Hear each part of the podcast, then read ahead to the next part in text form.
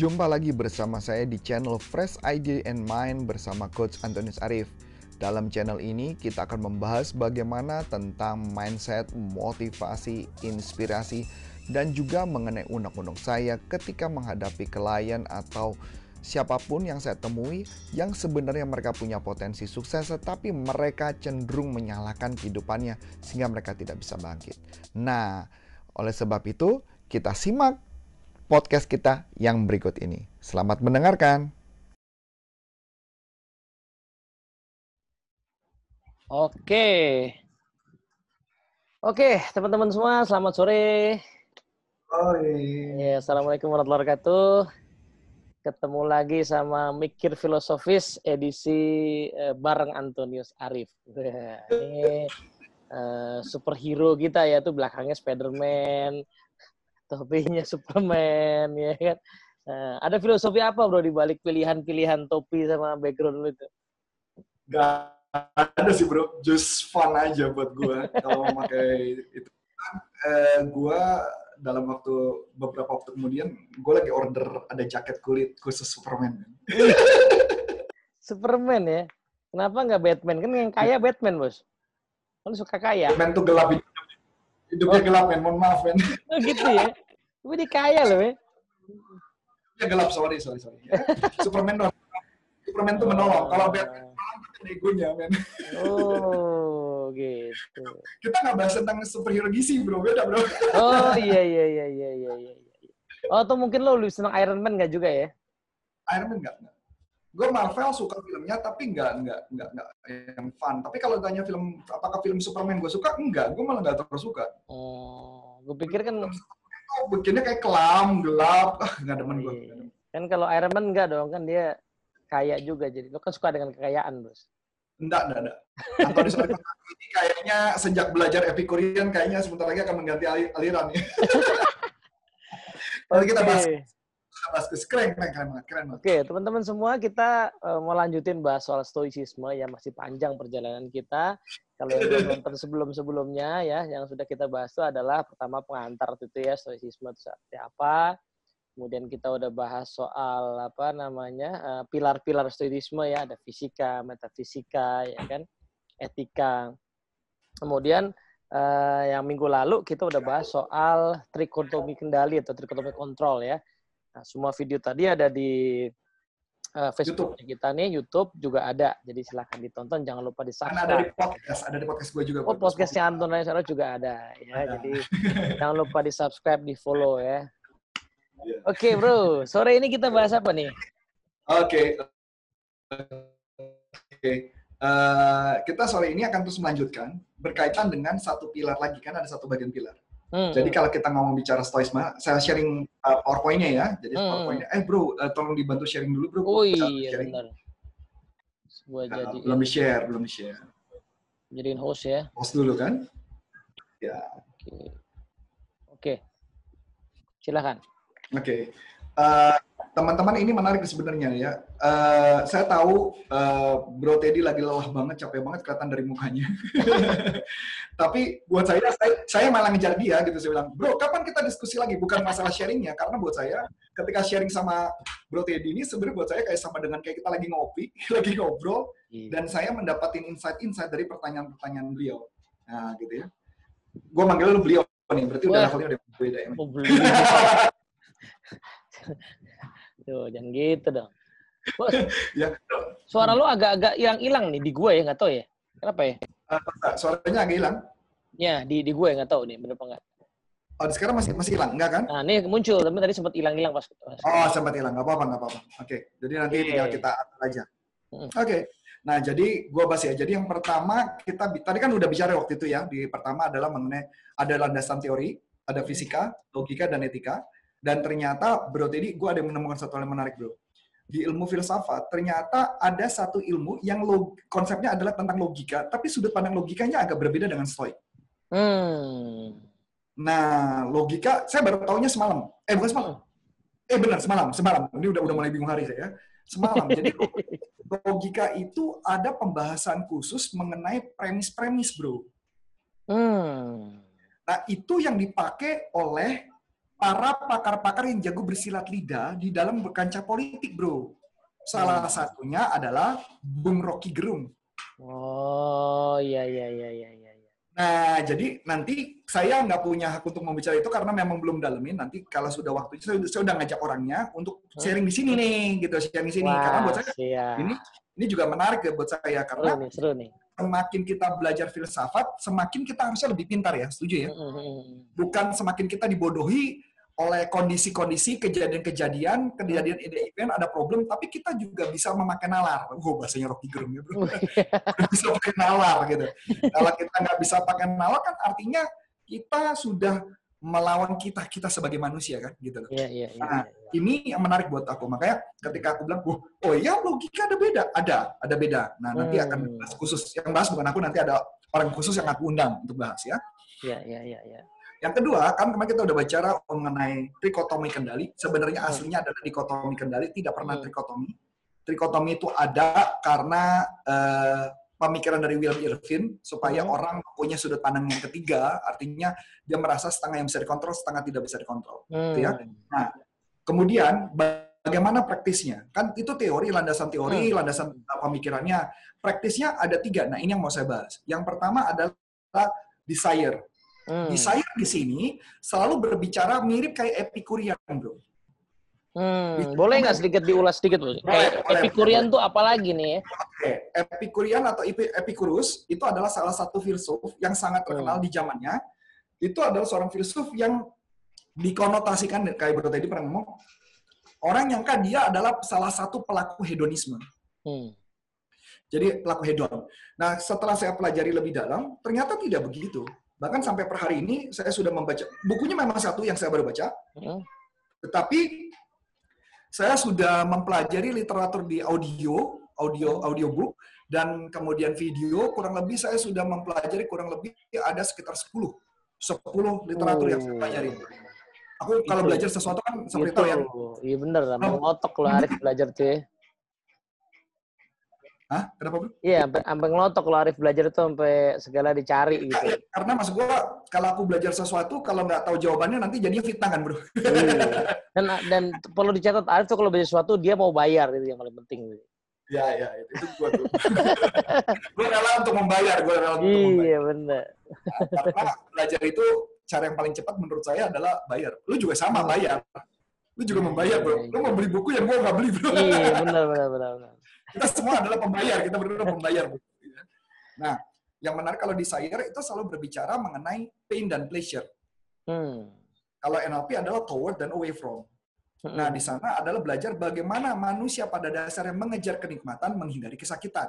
Nah, kalau Hmm. Epicurus adalah hanya fokus di berkaitan dengan filsafat dia adalah mengenai happiness. happiness ya. Makanya bukunya The Art of Happiness nggak yang lo lagi baca? Betul, betul, betul, Betul ya? betul. Jadi di, di gambar kepala dia adalah tentang happiness. Jadi buat dia filsafat pengertian kepala dia adalah pokoknya kita ngajar happiness saja, selesai. Hmm. Ya, segala sesuatu yang berkaitan happiness. Sebentar dulu, kalau happiness berkaitan dengan mabuk-mabukan apa kategorinya happiness? Menurut, Nah. menurut dia enggak. Menurut Epicurian enggak. Kalau menurut dia adalah Hmm. kalau lu mabuk hari ini, eh, lu misalkan contoh, lu mabuk minum 10 gelas. 10 gelas lu mabuk. So besok pagi lu sober, eh malamnya sober, terus paginya lu nggak enak badannya, sober juga, kemudian Hmm. eh, lu nggak bisa kerja, kepala lu sakit Hmm. dan sebagainya. Menurut dia itu lu nggak happiness. Justru bukan itu ya. adalah lu salah jalan. Hmm. Ah, justru bukan. Kalau hedonisme kan nggak peduli besok lu sakit kepala apa enggak, nggak masalah. Iya. Nah, di konsep kepala dia adalah sederhana banget. Di konsep kepalanya dia adalah eh, ketika j- 10 mabok, 8 mabok nggak? Kalau Hmm. 8 nggak mabok, ya nggak apa-apa. Selama lo tidak sober, selama lo tidak merugikan orang lain dan sebagainya, lo tidak Hmm. melanggar etika, eh, tidak melanggar merugikan orang lain, so itu dikategorikannya sudah oke, Hmm. happiness menurut dia. Hmm. Satu. Yang kedua, dia menghindari dengan konsep yang namanya kaya, bro. Dia malah nggak setuju tentang kaya. Hmm. Nah, dia malah tidak setuju dengan kekayaan. Jadi, Hmm. uh, ini pembahasan singkat aja ya, bro. Yes. Dia sangat mengatakan bahwa semakin orang mengejar kekayaan, semakin orang tersebut akan merasa kurang. Hmm. Nah, ini konsepnya. Makanya ajaran dia adalah salah satunya tentang hidup miskin. Ini menarik, Bos. Jadi eh, poin kekayaan ini menarik ya, karena pernah ada satu nasihat ya, ya yang mengatakan ini dia dia ini nasihatnya tuh bandingin antara ilmu sama harta. Bos. Ya. Nah, jadi kalau si dibilang gini, ilmu sama harta tuh menariknya adalah ilmu itu kalau lo punya Hmm, eh, nggak bisa diambil dari lo. betul. Nah, tapi kalau harta kalau lo punya itu bisa gampang diambil dari lo. Exactly. Nah, ilmu itu kalau lo punya akan menjaga diri lo. Iya, Nah, tapi kalau harta kalau lo punya lo harus jagain dia, Bos. setuju. Jadi semakin banyak orang punya kekayaan, memang dia akan semakin eh, perlu effort ya, Heeh. perlu effort untuk menjaga kekayaannya Betul. itu gitu. Jadi waktunya habis untuk melakukan itu semua. Betul. Nanti aku bahas secara khusus tuh, bro. Nanti gue akan bahas secara khusus. Hmm, hmm, hmm. Karena memang aku tertarik untuk bahas itu karena mungkin gue cerita sesuatu ke lu, lu men-challenge otak gue gitu kan. Hmm, Jadi akan terjadi dialog-dialog yang menarik menurut gue iya, kan. Gitu. loh. iya, iya. Nah, kayak kalau ditanya sebenarnya ini pembicaranya yang nafsu.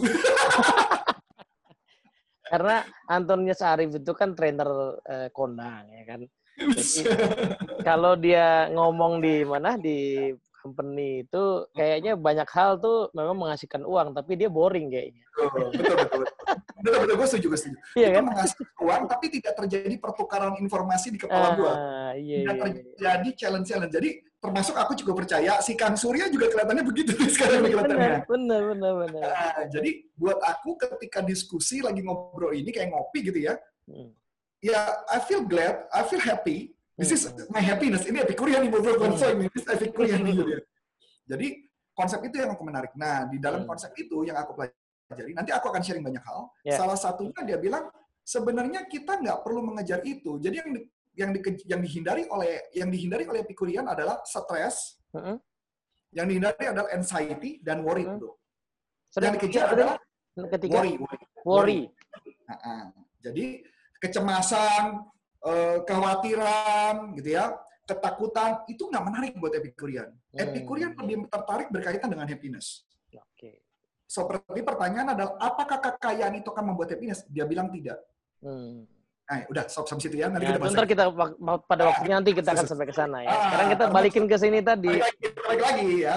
Nah, jadi ketika pembicaraan tadi, berarti desire tadi yang mau dibicarakan adalah manusia mengejar kenikmatan tapi menghindari kesakitan. Tapi hanya Hmm. satu pokok bagian yang tidak dibahas secara lebih detail banget. Hmm. Jadi salah satu yang dibicarakan di sana adalah mengenai keberanian kita, courage ya. Virtue-nya adalah courage. Courage apa?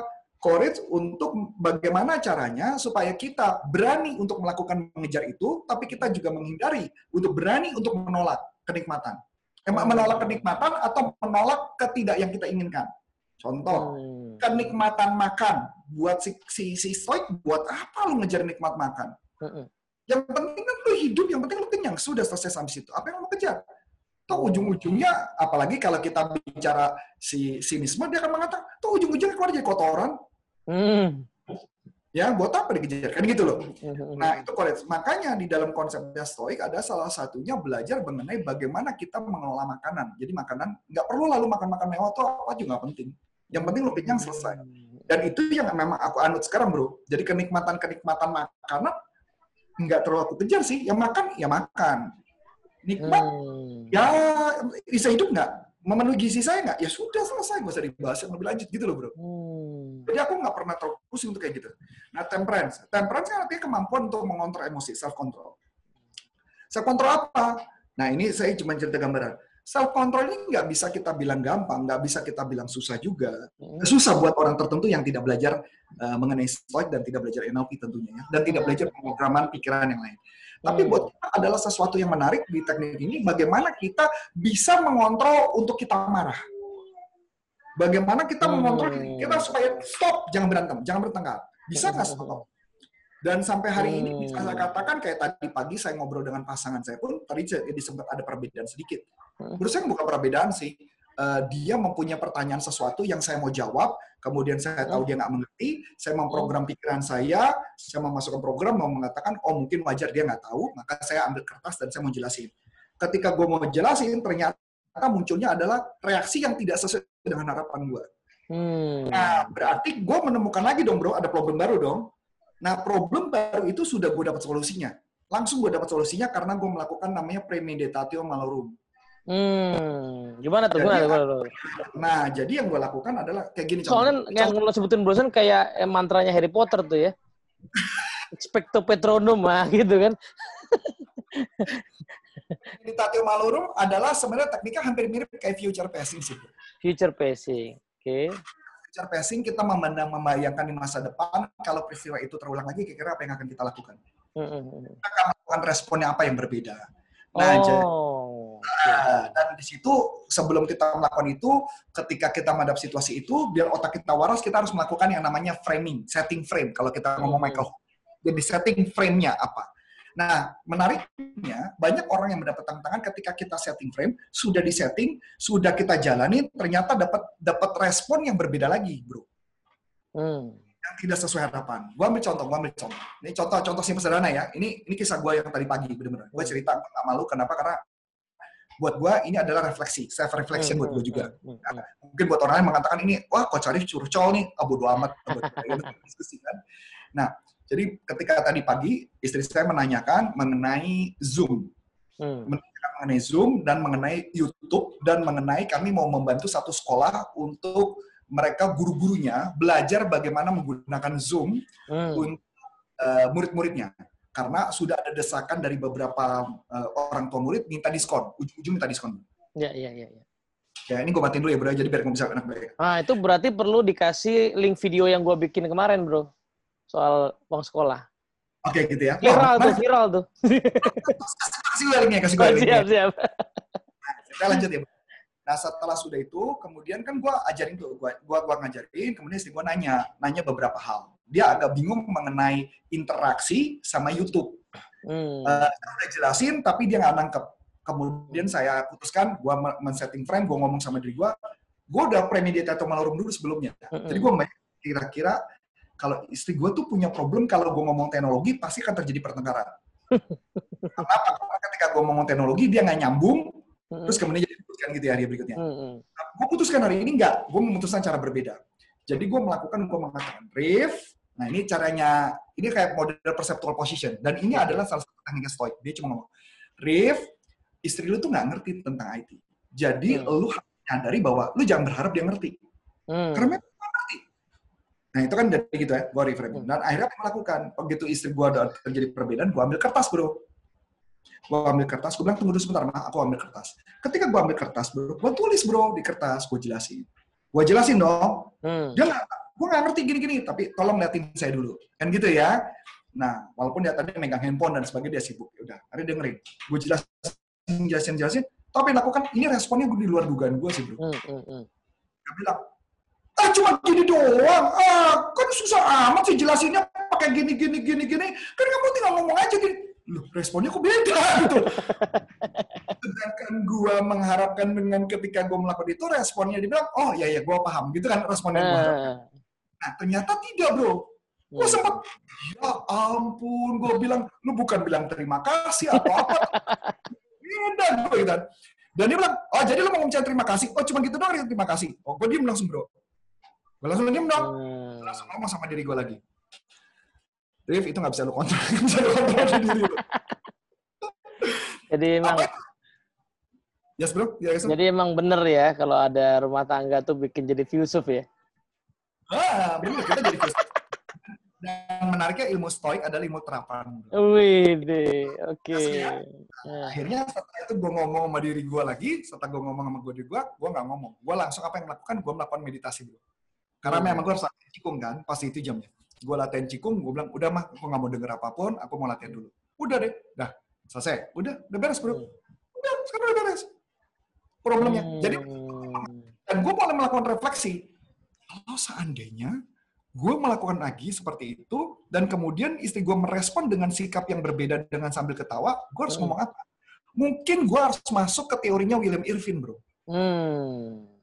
Apa? Insulting pacifism, bro. Insulting pacifism. Ya, jadi Jadi artinya insulting kan dihina ya, mm-mm, di, diledek ya, bro. mm-mm. Ketika dia ketawa itu kan gue ngerasa kayak gue ngerasa gue membuat opini bahwa seakan kan kayak istri gue melecehkan gue gitu loh, bro. Hmm. Jadi harusnya gue melakukan tindakan yang berbeda. Gue harus melakukan insulting pacifism, bro. Hmm. Apa yang harus gue lakukan? Ketika dia misalkan melakukan itu lagi, yang harus saya lakukan adalah harusnya gue ketawa kayak film-film Jepang bro sambil garuk-garuk kepala. Iya. Aduh, ternyata istriku pinter. Selesai kan? Iya, ya, iya, aduh. iya, iya, iya, iya, iya. Bro ini nggak bisa jelasin, insulting pasti bisa. Ah, iya, iya, iya. Pasti kan nanti di ujung-ujungnya dia ketawa dong bro. Harapanku, kalau nanti Iya. ujungnya nggak ketawa, Dikotomi kendali, ya kan? Oke bro, seru ya. Iya, iya, iya, iya, iya, iya, iya. Lanjut ya bro. Lanjut, lanjut, lanjut, lanjut, lanjut. Mas gua, ini gue sharing nih, gue seneng karena gue dapat knowledge juga, dapat dapat dapat apa ya, kayak self reflection juga kan. Ini kan Mm. pembelajaran. Nah berikutnya Hmm. berikutnya adalah action. Action kan udah jelas ya, justice. Justice. Oke. Tapi win dan win. Kita tidak boleh ngerugiin orang lain. Titik. Udah gitu aja kita bahas ya. Hmm. Nah, yang mau kita bahas hari ini adalah satu yang belum kita sentuh. Adalah ASEN. ASEN Hmm. bahasa Indonesianya adalah mengiyakan, Hmm. menyetujui. Hmm. Ya, menyetujui. Orang yang wisdom adalah orang yang mampu mengontrol pikirannya sehingga dia bisa merespon dengan merespon dengan cara bijaksana. Dengan tanpa dia punya pretensi dengan opini. Hmm. Apakah si Antonius Arif sudah sudah wisdom? Belum. Buktinya apa? Hmm. Ketika ada kejadian tadi, saya masih gerendeng gitu loh. Oh, Oke. Walaupun gerendengnya nggak lama, walaupun saya tidak teriak, walaupun Hmm. saya tidak marah-marah, walaupun kesel gitu ya. Tapi Hmm. saya buru-buru meresponnya bilang, aduh, berarti gue masih salah jalan lagi nih. Berarti Hmm. kan ada kesadaran. ya. Berarti ada kesadaran. Nah, kenapa? Kalau saya mengiyakan istri saya, nah ini kata kata kunci mengiyakan. Kita balik lagi kan kata kunci gini, bro. Ini kata kunci yang paling asik banget. Bro. Fakta dengan opini. Maksudnya gini, ini NLP banget kan. Stimulus respon. Stimulus Hmm. respon. Istri gua, istri saya, istri gua ngomong, Rif, apa jelasin ke gua dong. Gua jelasin. Ketika gua jelaskan, harapan gua adalah harapan gua adalah Hmm. Eh, mengerti, dia memahami dan dia bilang terima kasih. Hmm. Betul dong? Tetapi kenyataannya tidak begitu. Hmm. Kenyataannya adalah dia melakukan tindakan berbeda dengan ketawa, ah gitu doang susah-susah amat jelasinnya, gitu kan? Hmm.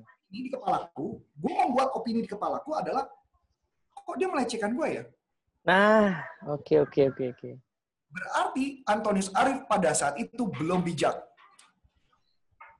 Hmm. Untungnya karena udah belajar stoik, buru-buru di kepala Pak, stop, jangan bikin opini. Betul dong ya? Oh, Oke. Orang bijak yang dari awal adalah ketika ada kejadian itu, dia langsung bisa merespon saat itu juga. Makanya, premeditatio malorum adalah sebuah teknik yang bagaimana melakukan seperti sebuah perantara untuk bisa merespon yang tepat. Tindakan itu. Oke. Bentar, Bo. Kalau di gambar tadi tuh ya, antara tiga, desire, action, sama asen itu gimana? Ini, ini kenapa lo gambar begitu gitu? Kenapa ada... Karena gambar itu adalah selaras, bro. Tidak ada mana tidak ada yang paling dulu mana nggak ada. Jadi, eh, secara Mm-mm. secara praktek, Ah, secara... Kan tadi yang di atas teori ya? Ya. Ya kan, teorinya adalah yang logika, ya kemudian etika, ya kan? Kemudian, kalau yang trikotomi control tuh apa tuh? Di sebelah kanan tuh. Itu trikotomi kontrol adalah bagaimana kita memahami bagaimana kita bisa mengontrol hidup kita. Lihat itu aja. Hmm. Ibaratnya itu buat kita adalah itu ibaratnya pilar sayanya lah di sana. Tapi pilar Hmm. yang di sebelah kiri itu tadi. Oke, oke, oke, oke, oke, oke. Nah, kita mau bahas lebih dalam yang asen ya, sama wis. wis- Ah, Oke. Itu maksudnya apa? Asen itu eh, asen itu adalah apa? Bentuknya wisdom apa gimana tuh? Kan wisdom Korea itu kan virtue kan? ya betul. Itu adalah disebut namanya kardinal. Jadi disebut pilar kardinalnya. Kardinalnya. Jadi kardinalnya dari tiga ilmu itu. Jadi adalah patokan itu ada desire, ya, ada eh, action dan ada eh, ascent. Nah, di masing-masing itu ada lagi di dalam bawahnya. Yang disebut baru nama disebut virtue-nya. Oh, Oke. Jadi kayak cangking up ke atasnya lah gitu loh, bro. Ya, ya, ya, ya. Cangking up ke atasnya. Bagi teman-teman yang belum pernah dengar, mungkin virtue itu apa ya? Ke- keutamaan ya? Bisa bilang gitu sih? Kan keutamaan, gitu. Keutamaan ya? Ya. Keutamaan. Oke. Nah, jadi balik lagi. Eh, bagaimana dengan seseorang yang gampang sakit hati? Dengan kejadian gua kayak tadi aja deh. Kejadian gua aja gampang. ketika gua ketika istri gua merespon itu dan gua memutuskan bahwa gua mengopinikan jadi kan kalau di NLP kan selalu ngomongnya sama dan ternyata di dalam stok juga sama. Representasi ada representasi yang masuk di kepala gua dan kemudian terjadilah internal representasi di kepala gua dan membuat sebuah opini atau membuat bahasanya kalau di bahasa Inggris adalah value judgment. Value judgment. Sebelumnya gua mau pakai nama istilah persepsi bro tapi setelah gua pikir Hmm. bener gua lebih suka dengan kata kunci adalah opini sebenarnya Iya, iya. jadi gua membuat opini dari kejadian itu nah ketika Hmm. gua melihat kejadian itu dan gua mengopinikan istri gua adalah melecehkan gua maka yang terjadi apa pasti pertengkarannya nggak selesai tuh pasti nyambung dong. Hmm. masih masih marah dong gua Mm-mm. uh, kurang istri gua malah tapi di sini enggak di sini gua belajar banyak bahwa eh iya itu memang istri gua sih Hmm. itu di luar kendali gua sih Mm-mm. itu luar kendali gua. Jadi yang harus gue lakukan apa di kepala gua? Bagaimana di kepalaku, aku tetap positif dan aku berusaha membuat. Jadi balik lagi, ujung tujuan akhir hidup gua apa sih bro? Itu pertanyaan yang paling Hmm, penting. hmm, hmm, hmm, hmm. Aku ceritanya satu nih bro. Ini ini uh, cerita menarik bro. Gue ketemu satu orang dan gue nggak mau ceritain siapa. Karena kalau gue sebut pasti lu kenal. Jadi ada satu orang uh, pernah bertanya sama gue. Waktu itu kan ketika itu tersing, gue terjadi pertengkaran lah sama istri gue dan sebagainya. Hmm, hmm, hmm. tanya sama gue, bro, hujung hidup lu, di hujung hidup lu, lu melihat siapa, bro? Hmm, Lu sama siapa? Terus gue bilang, gue sama istri gue. hmm. Oh gitu, anak lu di mana? Anak gue udah gede, pasti mereka akan hidup sama keluarga masing-masing. Hmm. Terus dia cerita, lu tau nggak bro? Apa? Ada satu trainer yang lu juga kenal, terkenal banget. Ujung hidupnya apa? Bukan dia sama anaknya, Eh, bukan Hmm. dia sama istri, tapi dia sama anaknya. Hmm. Berarti apa? Bisa. I don't know, we don't know, we don't know, right? Oh iya iya iya. kita nggak kita nggak mencemanya. Tapi maksud gambaran gue di sini adalah apa? Ketika gue terjadi pertengkaran tadi, terjadi perbedaan paham, di kepala gue yang muncul gambarnya adalah ujung hidup lu mau apa, Rif? Hmm. Gue tadi ngomong gitu, ujung hidup lu mau apa? Gue mau sama pasangan gue dan dia yang menemani gue sampai kita akhir. Hmm, hmm, Dan dia the only one, hmm. women. Kan gitu ya? Nah berarti pertanyaan di kepala gue, apakah tindakan gue bijaksana? Berarti kan balik lagi justice nih. Kan keputusan gue itu. Jadi apakah tindakan gue bijaksana kalau gue membuat opini bahwa dia adalah melecehkan gue? Padahal di ujung lu pengen hidup sama dia kan? Gue pengen hidup sama dia. Nah, iya iya. Kalau gue di ujungnya adalah anak gue, maka yang gue muncul adalah, ya lo menghina gue, lo menghina gue. Tapi dalam kondisi stoik ada yang menarik adalah Hmm. orang-orang sebenarnya pada dasarnya, ini Marcus Aurelius yang ngomong, pada Hmm. dasarnya orang-orang tidak ada yang berbuat kesalahan dengan sengaja. Mereka tidak tahu kalau mereka melakukan kesalahan itu. Nah, oke. Jadi mereka semua tidak sengaja melakukan itu, bahkan sampai hari ini pun waktu menit itu pun katanya dalam dalam kondisi Marcus Aurelius, bahkan mungkin mereka pun tidak pernah tahu bahwa itu salah. Ya ini poin menarik bos. Jadi pernah satu kali gue berpikir gini ya, kayak kondisi ya tadi lah kita sama pasangan tuh sama temen lah temen kantor juga sama ya, yang mungkin perilakunya yang nyakitin kita. Mungkin bisa jadi kita memang merasa sak- sakitnya tuh real bisa jadi ya terasanya. Tapi kita nggak pernah yakin bahwa misalnya pada saat dia mengucapkan itu dia pakai niat tuh. Nanti ya, gue mau nyakitin Teddy dengan kalimat ini. Ini nggak mungkin lakukan itu kan? Itu yang terjadi gara-gara nonton sinetron, bro. Nah, iya. Soalnya isinya kan begini. Ini kan sinetron ya. Suami ada ada, ada cewek lain mau mau mau ngambil suami orang kan. Terus yang Hmm. ngomong, hmm biar tahu rasa nanti ya. Nanti suaminya gua ambil biar lu miskin. Kan itu sinetron. Jadi kita mempercayai film sinetron yang kita tonton, bro. Makanya Hmm. tadi bener omongan itu. Mm, mm, mm, mm. Dan gue suka banget dengan filosofis ketika gue belajar dan Marcus Aurelius mengatakan tidak ada bahkan saya mereka juga sama-sama, Epictetus juga sama-sama, tidak ada orang satupun di dunia ini yang punya rencana seperti omongan lo tadi. Memang nggak ada, itu Hmm. cuma ada di sinetron. Dan bahkan di film bioskop pun nggak ada loh. Iya, iya, iya, iya. iya. Adanya hanya di sinetron only. Di sinetron. Sinetron aja adanya. Gak tahu rasa dia. Hmm, hartanya gua sikat habis kan. Film Iya, iya, iya, iya, iya, iya. Kayak siapa Joker aja pun ada sisi baiknya kan. Mm, mm, mm, mm. Kayak gitu bro. Nah, oke, ini menarik Iya. ya. Menarik, menarik. Nah, Ya Tuhan nyambung sama yang tadi, makanya wisdom itu kita mesti pisahin fakta sama opini. Ya, karena eh, pada saat kita beropini itu kita udah mencampur tuh ya Nah, antara kejadian yang kita alami sama pendapat kita gitu kan. Jadi pengertian wisdom itu ada dua di dalamnya adalah pertama ketika ada sebuah representasi yang masuk ke dalam diri kita, kita terima, kita olah di kepala kita, bagaimana kita melakukan opini. Hmm. Yang kedua, bagaimana si Arif ini meresponnya itu juga bagian dari wisdom. Jadi kalau Hmm. kenapa NLP itu sebenarnya bisa ngebantu bagian itu, walaupun gue percaya banget yang belajar NLP juga banyak problem di situ kan. Karena nggak lengkap filosofinya, bro. Nah itu Nah, maksud. Iya. Jadi jadi, Jadi- Oke, oke, bentar, bentar. Ya, eh, mau ingat ya, ya. Jadi kalau eh, kenapa ya, gue setuju sama Michael Ho dan kemudian itu yang gue usung ya. Pertama, yang belajar NLP itu lupa sama filosofi soal eh, excellent dalam artian self actualization itu. Ya. Nah, jadi nggak pernah tahu itu sehingga eh, menggunakan teknik-tekniknya secara manipulatif ya. Karena emang nggak pernah tahu ujungnya mau ke mana ya kan. Nggak tahu, nggak tahu. Iya, dan juga yang lebih dalam lagi karena nggak pernah tahu, nggak pernah mendalami bagaimana deskripsi yang dimaksud oleh eh, eh, Maslow ketika dia terkagum-kagum dengan orang-orang yang aktualis itu, betapa mulianya mereka gitu ya, betapa mereka itu luhur gitu. Nah itu kan akan berbeda banget bos. Exactly. Padahal di NLP pilarnya salah satunya outcome kan. Nah iya benar. benar. Sedangkan manusia hanya memakai outcome untuk ngejar duit. Itu dia. Padahal outcome, nah ini pertanyaan menarik. Ini yang gue kegampar bro. Ini aku pakai bahasanya agak kasar. Gitu. Kegampar, bukan tertampar, tapi kegampar bro. Hmm. Kenapa? Karena aku menyadari ternyata will of life itu juga bagian yang sangat penting. Hmm. Selama ini Antonius Arif bikin goal setting only uang. Nah itu dia. Ternyata will of life family. Aku malah gini ya, pada saat gue belajar sama Jason Geddes, salah satu pakar relationship di luar sana, dia ngomong gini, apa goal setting lu sama family lu? Lu Nah, anjir gue nggak punya loh. oh my goodness. Terus ditanya, apa tujuan lo menikah? Gue nggak bisa jawab lo bro. iya benar, benar.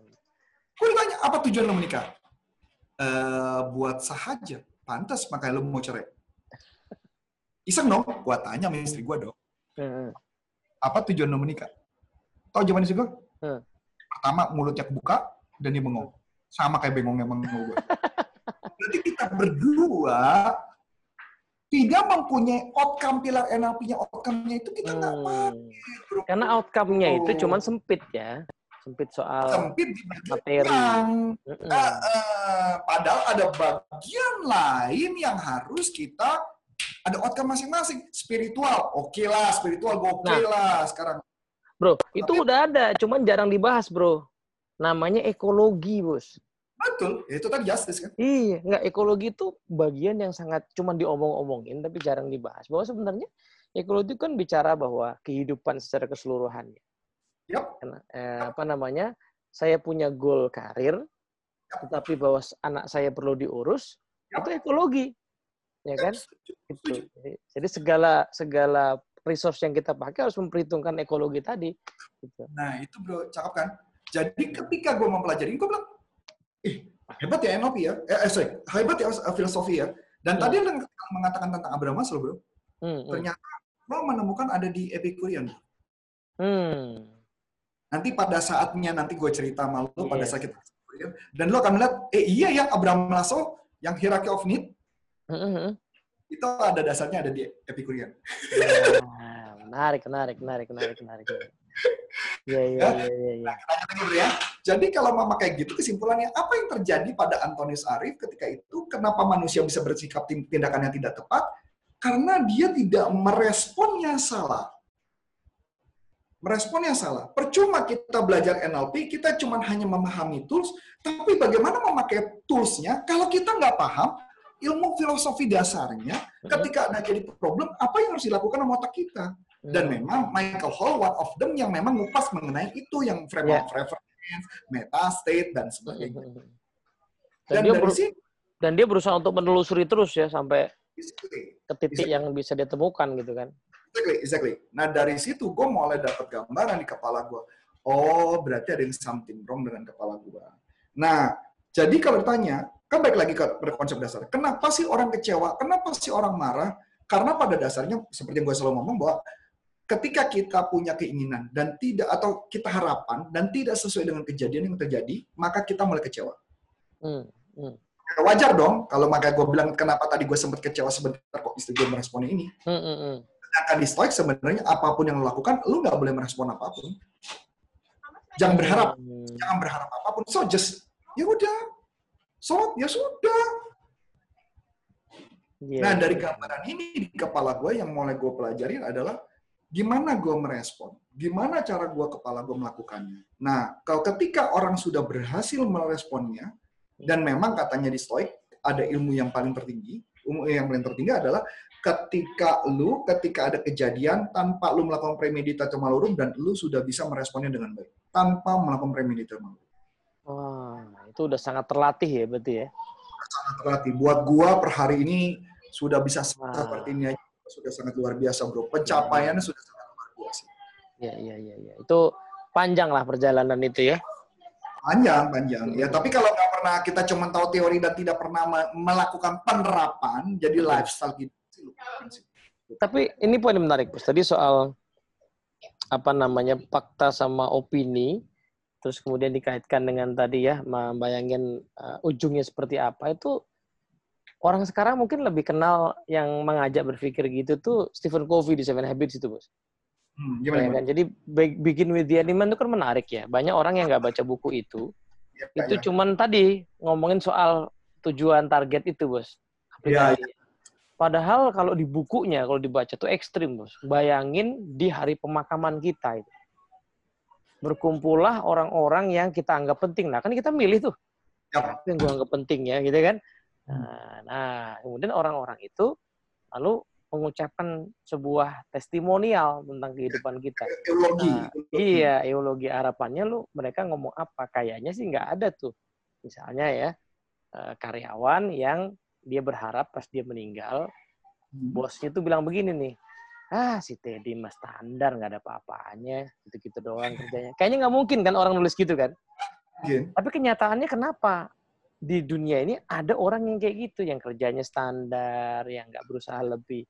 Ya mungkin karena nggak pernah mikirin ujungnya itu kan. Dan itu ada ada di di Seven Habits itu gue yakin sih juga akarnya dari sana. Karena Stephen Covey itu kan dulu nulis buku Seven Habits itu uh, waktu dia bikin disertasi kan awal mulanya kan judulnya judul sebelum jadi Seven Habits judulnya nama Restoring Karakter Etik. Jadi, uh, jadi uh, ketika dia melihat bahwa di dunia bisnis itu orang sudah terlalu sibuk dengan yang luar ya penampilan luar ya cara memanipulasi segala macam dia pengen mengembalikan lagi etika karakter ya. Uh, sesuatu yang sangat mendasar tadi dalam kehidupan prinsip-prinsip kehidupan yang mendasar. Nah gue rasa sih dia sampai juga ke ke stoicisme pasti ya ke yang lain-lain. Nah, sehingga tadi tuh satu poinnya adalah eh, apa sih sebenarnya yang mau kita capai? Nah, dia mengajak kita nulis at least minimal tujuh peran yang utama dalam hidup kita. Keluarga, karyawan, komunitas gitu yang lain sebagainya lah, sahabat gitu ya. Lalu nah itu diajak bayangin tuh. Nah, nanti di ujungnya pengen kayak apa gitu kan. Tapi bro, ada satu hal yang menarik. Hmm. Epikurian adalah salah satu uh, salah satu filsafat ya filosofi yang tidak mengajarkan ada goal bro. Hmm. Karena goalnya mereka cuma happiness. Tapi itu goal juga dong. Sorry, Mbok, maaf. Itu goal juga dong berarti. Goalnya happiness. Tapi tidak ada mas yang lain. Makanya kenapa mereka tidak mengajukan untuk menikah.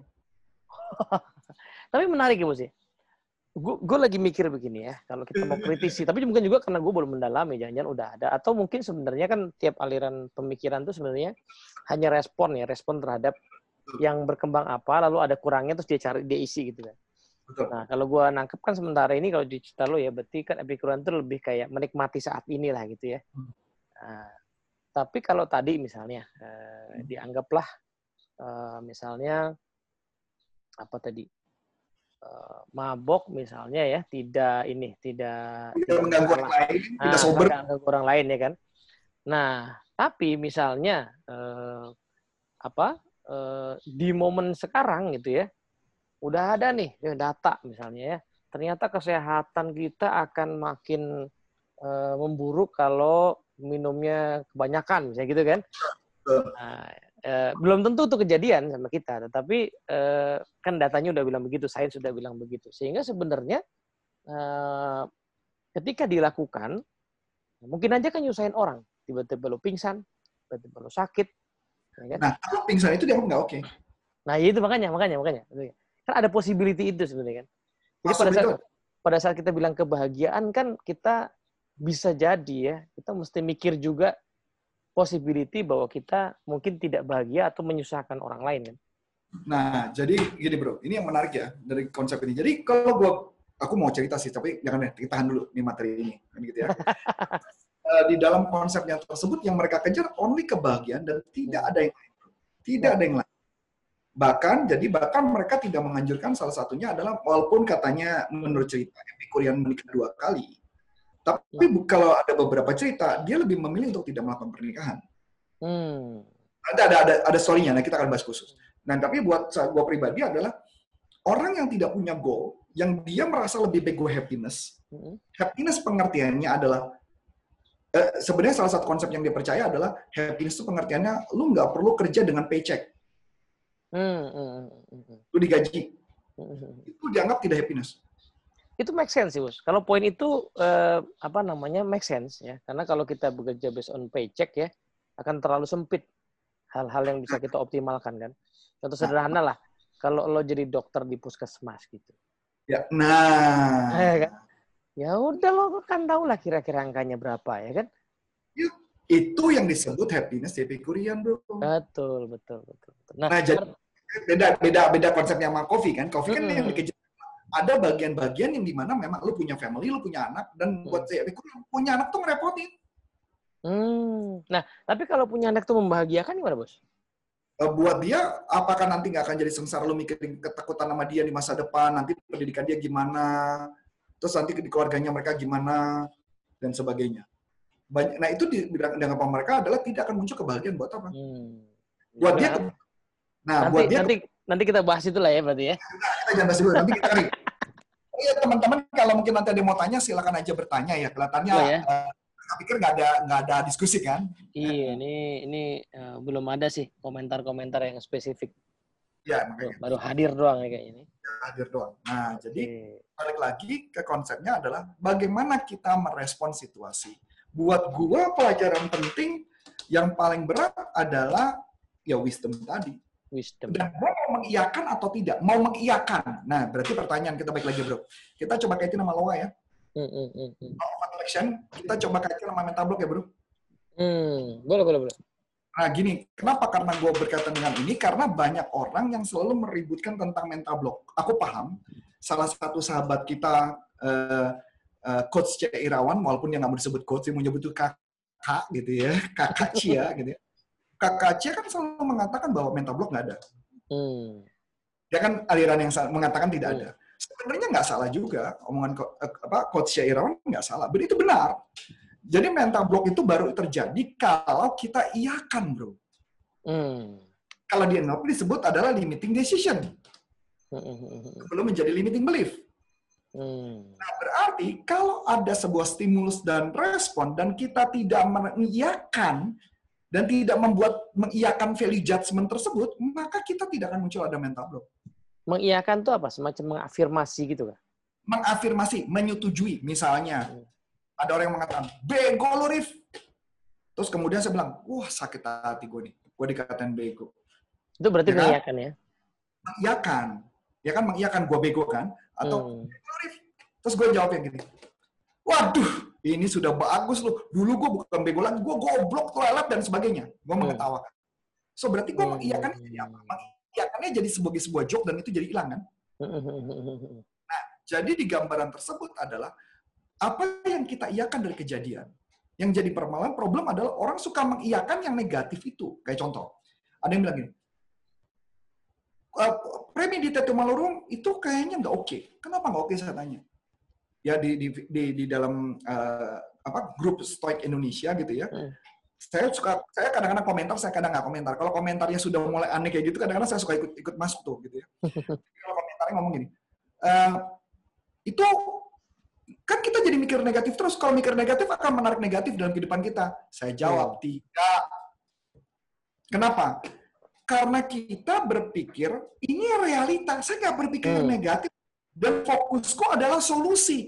Realita sebagai base-nya, sebagai ground-nya, ground dasar pemikirannya, Mm-mm. future-nya adalah masa depannya. Positive thinking-nya. Dan tugas saya adalah bagaimana dengan ground base ini, saya mengiyakan apa supaya saya bersikap dan bertindak, bertindak dan bertingkah laku. Nah pertanyaan, berarti apakah saya menarik negatif terjadi dalam hidup saya? Tidak. Yang men- kalau law of attraction yang terjadi dalam hidup kita kalau negatif, kalau kita pikirnya ke mana? Kita fokusnya kepada negatif itu. Hmm. Nanti kalau tabrakan gimana? Kalau ada problem gimana? Hmm. Itu. Sedangkan saya bilang, enggak. Kita bukan mengiyakan itu, tapi mengiyakan ketika ada sebuah situasi yang berulang terjadi, Mm-mm. di warung kan fungsinya gitu. Hmm. Kalau ada sebuah situasi yang terjadi, apa respon lu kepada tindakan tersebut? Sampai ada yang pernah nanya gini, bro. Nah, ini sampai ngomong. Kalau saya berpikir tentang tabrakan, maka terjadi tabrakan. Kan itu kan bahaya banget dong kalau gitu dong premeditasi malurung membayangkan tabrakan. Gue cuma nanya, outcome tujuan lu ngapain mikirin tabrakan? Dalam hidup tuh mikirin jangan mikirin tabrakan, yang dipikirin kan ada Hmm. tujuannya. Dan gue juga tanya, apakah seorang Antoni Sarif mikirin kalau tabrakan terjadi gimana? Ya kagak kali, gue mikirnya adalah bagaimana ketika di dalam rumah tangga, gue mendapati ada sebuah perilaku-perilaku tertindak tertentu, gue harus merespon apa? Gue ambil Hmm. contoh tadi, tadi, tadi pagi, tadi pagi bro, karena ketika terjadi perdebatan tadi sama pasangan gue, aku mencari kertas kan tadi masih ingat bro? Mm-mm. ketika gue mencari kertas, gue masuk ke kamar anak gue dong yang cewek. Gue masuk ke kamar anak gue yang cewek, gue mencari kertas bro. Gue menemukan ada satu hal yang menarik bro. Hmm. Ada? Ada buku Death Note. Hmm. Kaget dong gue bro. Buku itu tulisannya Death Note gitu kan. Gue ambil buku itu, gue lihat ada cetakannya bro. Ada tulisannya. Death Note itu adalah salah satu story, nggak tahu yang punya anime atau manga dan sebagainya, yang menceritakan tentang kematian-kematian. Jadi Hmm. orang yang dalam buku tersebut, orang itu akan mati beneran. Hmm. Tapi bukunya dijual, dan kurang ajar bukunya dijual di salah satu online. gue baca dong bro, ketika gue baca di bagian depan, di situ ada kalimat, kalau lu nulis ini dalam waktu berapa lama mereka akan meninggal. Ada Hmm. tulisan, bro. Nah, ketika masuk ke bagian itu, gue menemukan ada tulisan, disebutlah nama beberapa orang. Hmm. termasuk nama anak gue sendiri tulis sama dia bro kapan matinya Astaga, gue bilang nih, kacau nih. Saya bilang, aduh, ini kenapa? Kok belajar Jepang, tapi kok nangkapnya nangkap yang kalau bahasa gue pakai baju Jepang gaya apa Iya, sih? iya, iya, iya. Gue memutuskan, gue melakukan premeditasi malurum, dan gue mulai memikirkan kira-kira gue merespon apa ya kalau itu terjadi. Ah, iya, iya. Dan akhirnya anak gue bangun bro. Anak gue bangun, gue bikin cerita bro. Jadi gue bikin, istilah, gue nggak boleh berpikir positif. Ah enggak lah, anak gue nggak bakal apa-apa lah. Anak gue akan baik-baik aja lah. Hmm. Nggak mungkin lah dia bunuh diri dan sebagainya. Kan gitu loh bro. Hmm. Karena tulisannya dia adalah apa? Dia bilang dia tabrakan bro. Ngeri amat kan bro. Kan kita tahu pikiran bos sadar dong bro. Iya, iya, iya, iya. iya. Apa itu pakai tangan bro. Hmm. Inilah anak-anak remaja yang nggak pernah diajarin bro. Apa yang gue lakukan? Ini yang gue lakukan. Gue panggil dia, dia duduk, dia tiduran di tangan gue kan, gue peluk. Aku cerita tentang santet, bahwa itu ada beberapa hal yang bohong. Gue Hmm. cerita tentang pikiran bawah sadar. Aku cerita tentang orang yang masuk dalam kulkas, kulkas mati, terus kemudian besok paginya dia menggigil frostbite dan Hmm, sebagainya. hmm, hmm, hmm. Nah itu aja bro. Dan akhirnya anak gue denger. Barulah gue masuk ke topik tentang buku itu. Hmm.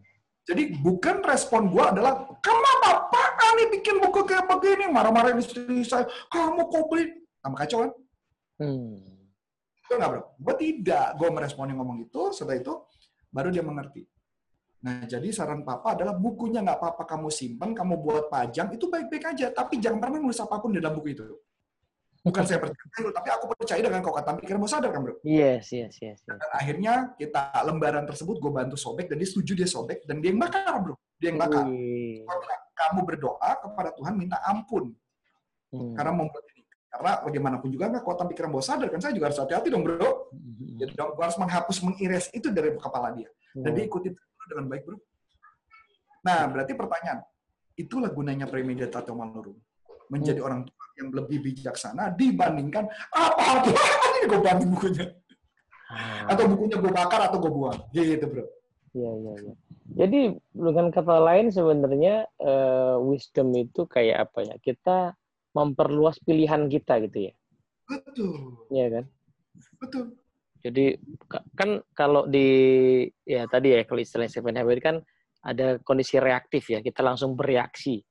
Ya kan based on ya tadi ya pemikiran segala macam karena eh, Bro Arif ini ahli hipnosis gitu ya, kemudian lihat buku wah ini negatif nih bahaya, wah langsung bereaksi.